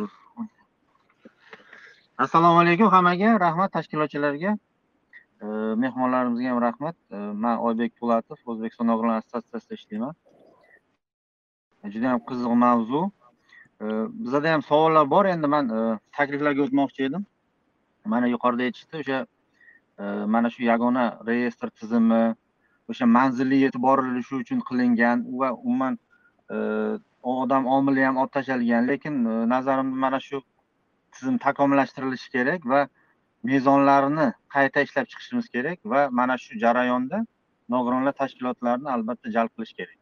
Bu avvalambor birlashgan millatlar tashkilotining prinsiplaridan biri. Mana e, hamma biladi bizasiz hech narsasiz muhokama qilinmaydi degan ma'noda.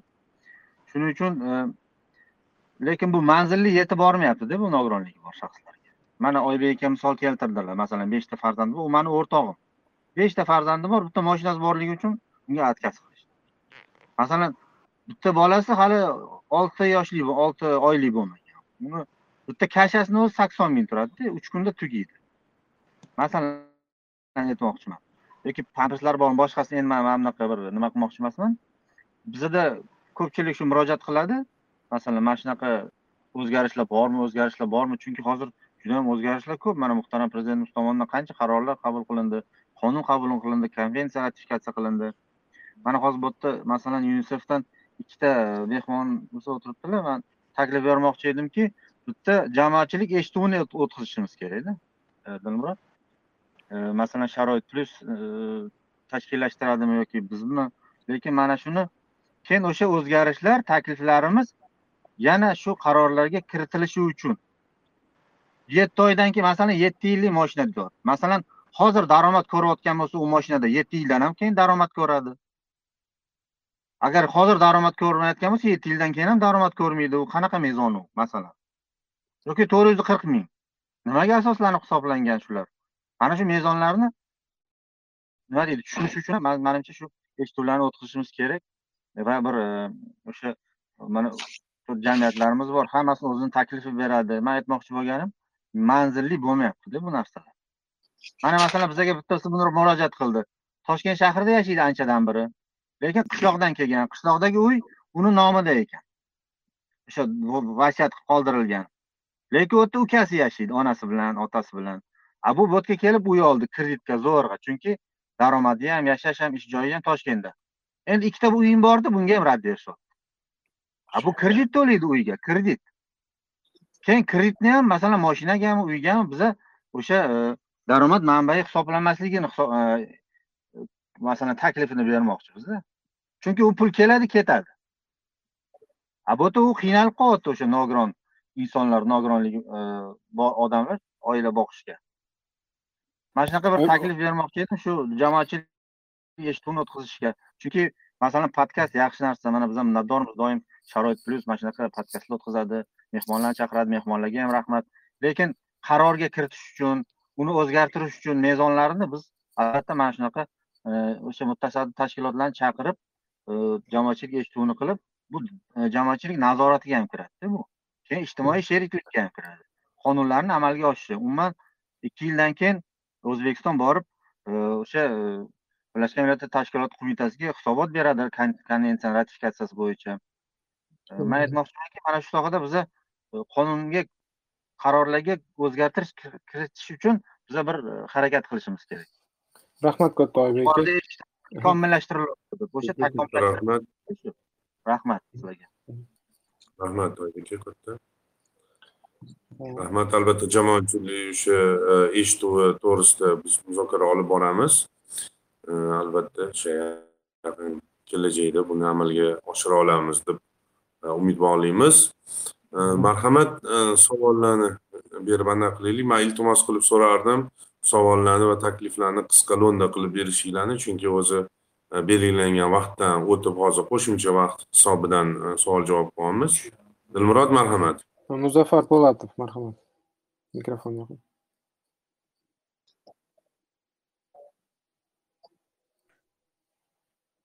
assalomu alaykum vaalaykum assalom marhamat. Uzr mani savolim bor edi. Men e, zafar. Hozirda e, ikkinchi guruh nogironiman e, bolalarim bog'chaga boradi.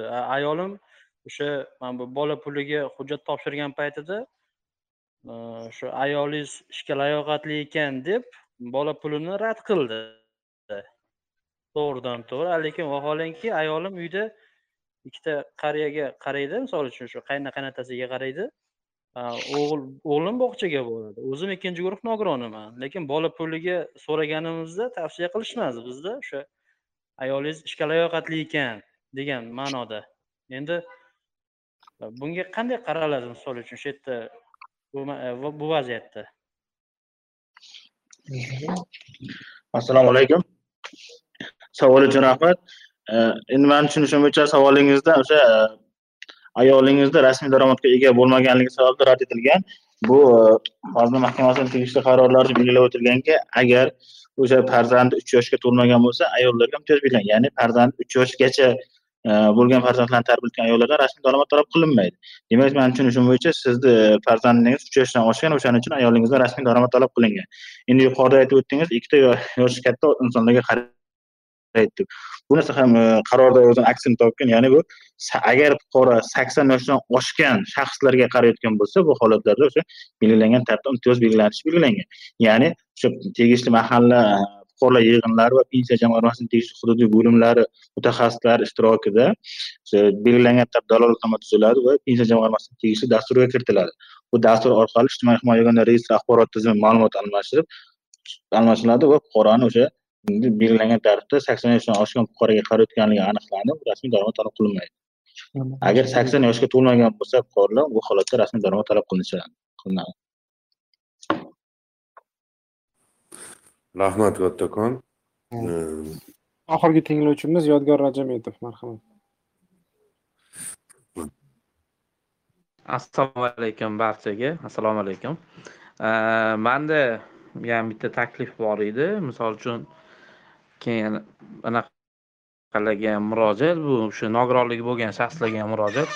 Man ham o'zi ko'rish bo'yicha ikkinchi guruh nogironiman. Hozir bu yerda podkastni eshitib boryapmiz ko'plar aytyaptida bu yerda. Biza ishlasak moddiy yordam ololmaymizmi yoki bola puli ololmaymizmi lekin ishlab turib pensiyasini перерасчет qilsa bo'ladi. Undan ko'ra nogironligi bo'lgan shaxslar yaxshiroq oylikli ish davlatdan talab qilib e, va o'sha pensiya jamg'armalariga dan so'rasak ular ham misol uchun baribir qonun chiqaruvchi organlar baribir o'sha pensiya jamg'armalaridan maslahat so'rashadi. E, pensiya hisoblatish tartiblarini soddalashtirishda yordam berish kerak deb o'ylayman man. Mana shu taklif bo'yicha anaqa qilyotgandim man. Katta rahmat taklifingiz uchun. Manimcha bugungi tugadi savollarimiz shu bilan yakunlasak yaxshi bo'ladi manimcha. Rahmat. Demak dilmurod sizga rahmat texnik jihatdan yordam berib turganingiz uchun. Bugungi mehmonlarimiz unicef o'zbekiston o'sha bolalar fondidan umid aka aliyev va e, byudjetdan tashqari o'sha e, pensiya jamg'armasi mutaxassisi e, zayniddin o'rolovlar bo'lishdi. E, Umid aka zayniddin aka e, biz an'anaga kiritganmiz. Ko'pchilik o'sha suhbatlar kabi. Mana shu efirimiz so'ngida o'zinglarni tilaklaringlarni bildirsanglar marhamat. Rahmat Gatulbek aka avvalambor katta rahmat shu podkastni tashkil etganinglar uchun. Chunki birinchidan ko'p savollarga javob berish imkoniyati bo'ldi. Bundan tashqari bizga ham bunday muloqotlar juda muhim va ahamiyatga ega chunki e, ko'p holatlarda e, mana shu qonun hujjatlarini tuzishda yoki tizimni takomillashtirishga kelganda e, demak real holatlardan real voqelikdan misol olib ular asosida fikr yuritish hamda o'sha takliflarni o'rganish bizga ham juda katta ahamiyatga ega chunki mana hozir ko'p takliflar tushdi. E, Oybek aka yodgor aka boshqa tinglovchilardan e, uh, narsani aytmoqchimanki hozirgi bu tizim hozirgi holat bu bir e, to'xtab qolgan holat emas bu jarayon. Shuni aytmoqchimanki mana shu agar taqqoslaydigan bo'lsak mana bir yarim yil ichida ko'p o'zgarishlar bo'ldi. Shu yagona reyestrni joriy qilganimizdan keyin mana ba'zi birlari aytib o'tildi ya'ni shu bir yarim yil davomida nafaqa oluvchi oilalar soni ikki baravardan ko'proq ortdi. Ya'ni ilgari olti yuz mingga yaqin oila olgan bo'lsa o'rta oy hisobida hozirgi kunga kelib bu bir o'ndan to'rt million oilaga yetkazilgan. Ya'ni bu va bu qamrovni kengayishida yagona reyestrni roli ham juda katta. Chunki bu demak avtomatik ravishda amalga oshirilayotgan tizim bo'lgani uchun ko'proq oilalarga xizmat ko'rsatish ko'proq arizalarni qabul qilish imkoniyatini bergan. Endi ko'p holatlarda ko'p savollar paydo bo'ladi. Ayni shu tayin e, demak e, nafaqalarni tayinlash mezonlari bo'yicha. Bu tabiiy narsa bu hamma davlatlarda kuzatiladi. Chunki e, hamma nafaqa olish imkoniyatiga ega bo'lishni xohlaydi. Ko'p davlatlarda demak universal nafaqalar ham mavjud ya'ni hamma odamlar nafaqa olish imkoniyatiga ega. Э, lekin shuni ham hisobga olishimiz kerak ya'ni byudjet imkoniyatlari odatda cheklangan bo'ladi ayniqsa rivojlanayotgan davlatlarda. Shuning uchun ma'lum bir cheklovchi mezonlar kiritishga e, majbur bo'lamiz. E, e, endi bu mezonlarni aytganimdek bu jarayon ya'ni bularni qayta ko'rib chiqish doim tarafdorimiz va ularni bir takomillashtirish ishi hech qachon degani yo'q. Shuning uchun takliflar uchun katta rahmat.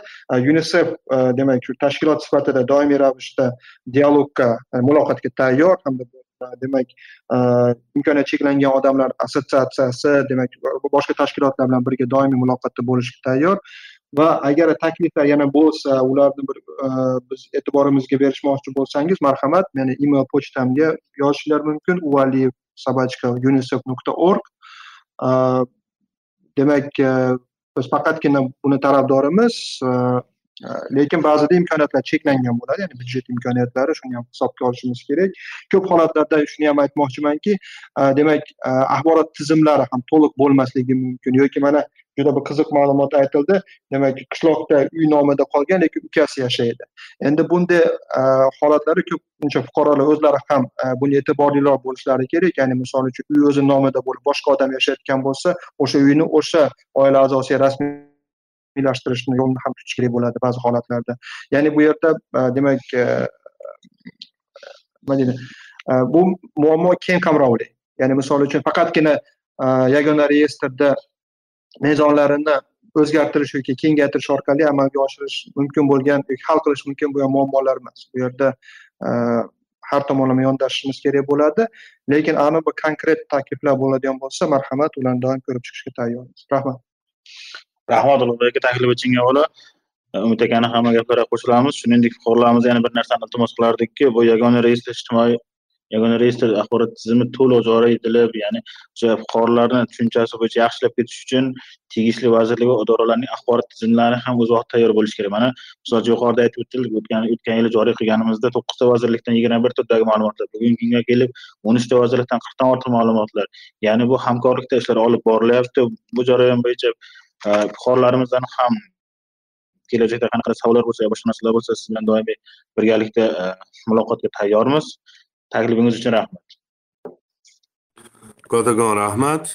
Hurmatli tinglovchilar siz sharoit plyus nogironlar jamoat birlashmasini rasmiy telegram kanalida sharoit plyus podkast loyihasini tingladingiz va bugungi mehmonlarimiz umid aka aliyev unisef o'zbekiston ya'ni bolalar fondidan va zayniddin o'rolovlar o'sha pensiya jamg'armasi mutaxassisi.